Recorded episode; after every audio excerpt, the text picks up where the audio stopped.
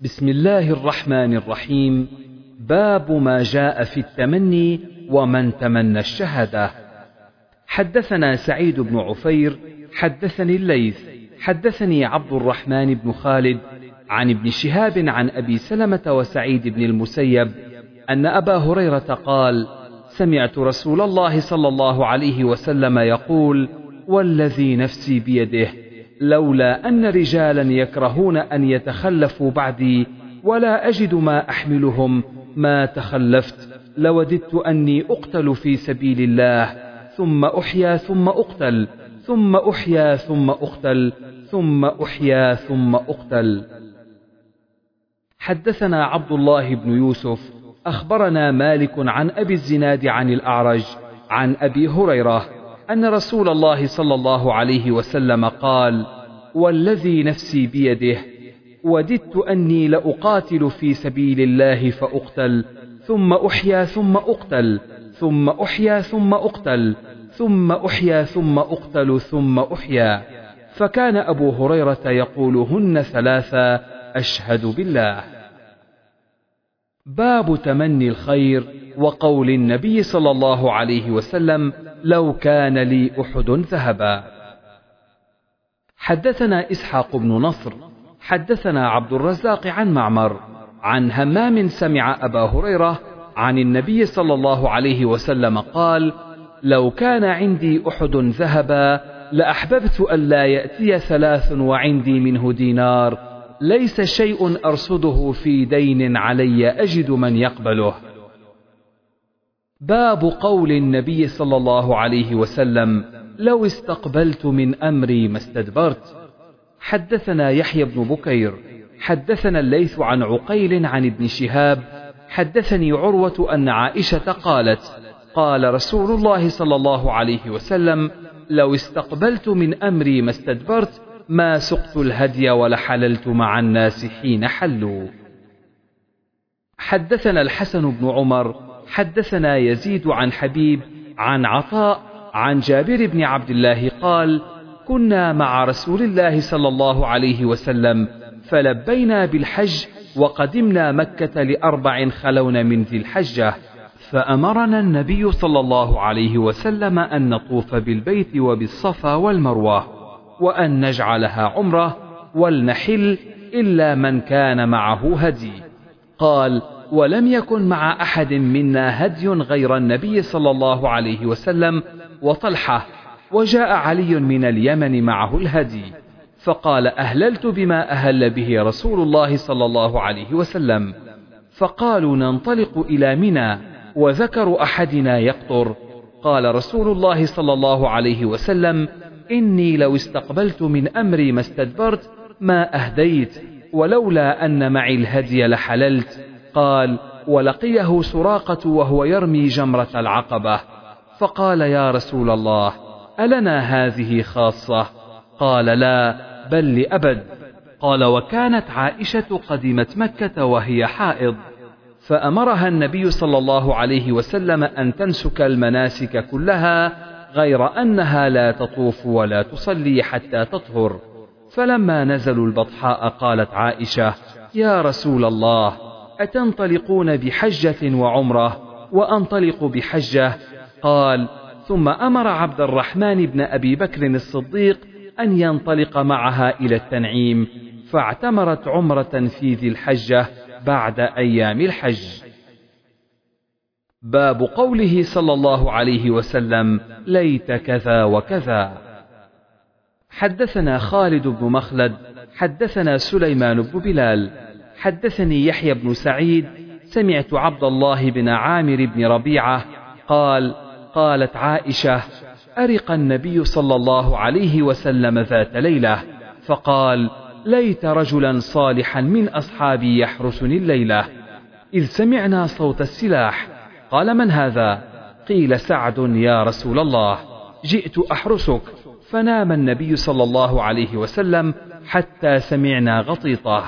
قال أبو عبد الله وقالت عائشة قال بلال ألا ليت شعري هل أبيتن ليلة بواد وحولي إذخر وجليل. فأخبرت النبي صلى الله عليه وسلم. باب تمني القرآن والعلم.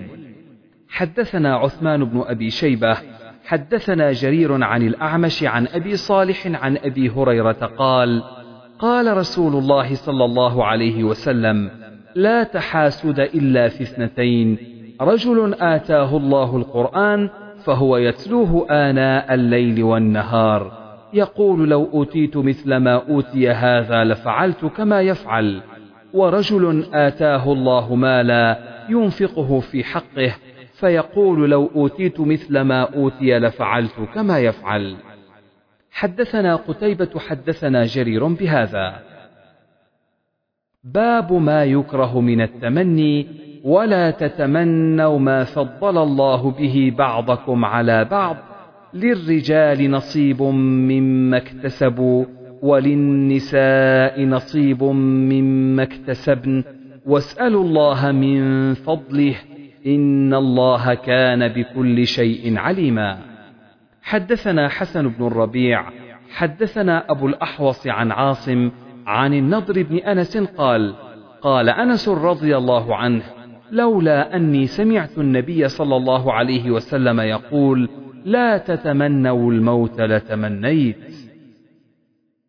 حدثنا محمد حدثنا عبدة عن ابن أبي خالد عن قيس قال أتينا خباب بن الأرت نعوده وقد اكتوى سبعا. فقال لولا أن رسول الله صلى الله عليه وسلم نهانا أن ندعو بالموت لدعوت به. حدثنا عبد الله بن محمد حدثنا هشام بن يوسف أخبرنا معمر عن الزهري عن أبي عبيد اسمه سعد بن عبيد مولى عبد الرحمن بن أزهر أن رسول الله صلى الله عليه وسلم قال لا يتمنى أحدكم الموت إما محسنا فلعله يزداد وإما مسيئا فلعله يستعتب. باب قول الرجل لولا الله ما اهتدينا.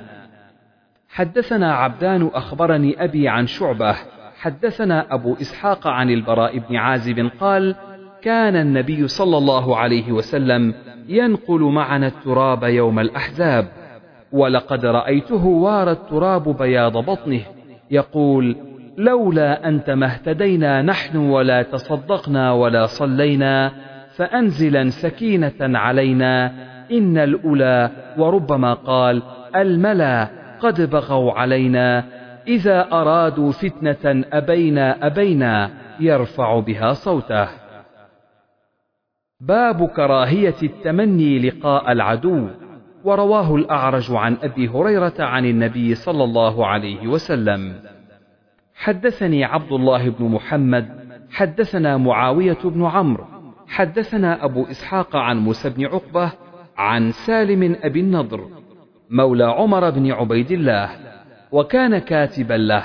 قال كتب إليه عبد الله بن أبي أوفى فقرأته فإذا فيه أن رسول الله صلى الله عليه وسلم قال لا تتمنوا لقاء العدو وسلوا الله العافية. باب ما يجوز من اللو وقوله تعالى لو أن لي بكم قوة. حدثنا علي بن عبد الله حدثنا سفيان حدثنا أبو الزناد عن القاسم بن محمد قال ذكر ابن عباس المتلاعنين فقال عبد الله بن شداد أهي التي قال رسول الله صلى الله عليه وسلم لو كنت راجما امرأة من غير بينة قال لا تلك امرأة أعلنت حدثنا علي حدثنا سفيان قال عمرو حدثنا عطاء قال أعتم النبي صلى الله عليه وسلم بالعشاء فخرج عمر فقال الصلاة يا رسول الله رقد النساء والصبيان فخرج ورأسه يقطر يقول لولا أن أشق على أمتي أو على الناس. وقال سفيان أيضا على أمتي لأمرتهم بالصلاة هذه الساعة. قال ابن جريج عن عطاء عن ابن عباس أخر النبي صلى الله عليه وسلم هذه الصلاة. فجاء عمر فقال يا رسول الله رقد النساء والولدان. فخرج وهو يمسح الماء عن شقه يقول إنه للوقت لولا أن أشق على أمتي. وقال عمرو حدثنا عطاء ليس فيه ابن عباس. أما عمرو فقال رأسه يقطر. وقال ابن جريج يمسح الماء عن شقه. وقال عمرو لولا أن أشق على أمتي. وقال ابن جريج إنه للوقت لولا أن أشق على أمتي. وقال إبراهيم بن المنذر حدثنا معن حدثني محمد بن مسلم عن عمرو عن عطاء عن ابن عباس عن النبي صلى الله عليه وسلم. حدثنا يحيى بن بكير حدثنا الليث عن جعفر بن ربيعة. عن عبد الرحمن سمعت أبا هريرة رضي الله عنه أن رسول الله صلى الله عليه وسلم قال لولا أن أشق على أمتي لأمرتهم بالسواك. حدثنا عياش بن الوليد حدثنا عبد الأعلى حدثنا حميد عن ثابت عن أنس رضي الله عنه قال واصل النبي صلى الله عليه وسلم آخر الشهر وواصل أناس من الناس. فبلغ النبي صلى الله عليه وسلم فقال لو مد بي الشهر لواصلت وصالا يدع المتعمقون تعمقهم. إني لست مثلكم. إني أظل يطعمني ربي ويسقين. تابعه سليمان بن مغيرة عن ثابت عن أنس عن النبي صلى الله عليه وسلم. حدثنا أبو اليمان أخبرنا شعيب عن الزهري وقال الليث حدثني عبد الرحمن بن خالد عن ابن شهاب أن سعيد بن المسيب أخبره أن أبا هريرة قال نهى رسول الله صلى الله عليه وسلم عن الوصال قالوا فإنك تواصل قال أيكم مثلي؟ إني أبيت يطعمني ربي ويسقين فلما أبوا أن ينتهوا واصل بهم يوما ثم يوما ثم رأوا الهلال فقال لو تأخر لزدتكم كالمنكل لهم. حدثنا مسدد حدثنا أبو الأحوص حدثنا أشعث عن الأسود بن يزيد عن عائشة قالت سألت النبي صلى الله عليه وسلم عن الجدر أمن البيت هو؟ قال نعم. قلت فما لهم لم يدخلوه في البيت؟ قال إن قومك قصرت به من نفقة. قلت فما شأن بابه مرتفعا؟ قال فعل ذاك قومك ليدخلوا من شاءوا ويمنعوا من شاءوا لولا أن قومك حديث عهدهم بالجاهلية. فأخاف أن تنكر قلوبهم أن أدخل الجدر في البيت وأن ألصق بابه في الأرض. حدثنا أبو اليمان أخبرنا شعيب حدثنا أبو الزناد عن الأعرج عن أبي هريرة قال قال رسول الله صلى الله عليه وسلم لولا الهجرة لكنت امرأ من الأنصار ولو سلك الناس واديا وسلكت الأنصار واديا أو شعبا لسلكت وادي الأنصار أو شعب الأنصار. حدثنا موسى حدثنا وهيب عن عمرو بن يحيى عن عباد بن تميم عن عبد الله بن زيد عن النبي صلى الله عليه وسلم قال لولا الهجرة لكنت امرأ من الأنصار ولو سلك الناس واديا أو شعبا لسلكت وادي الأنصار وشعبها. تابعه أبو التياح عن أنس عن النبي صلى الله عليه وسلم في الشعب.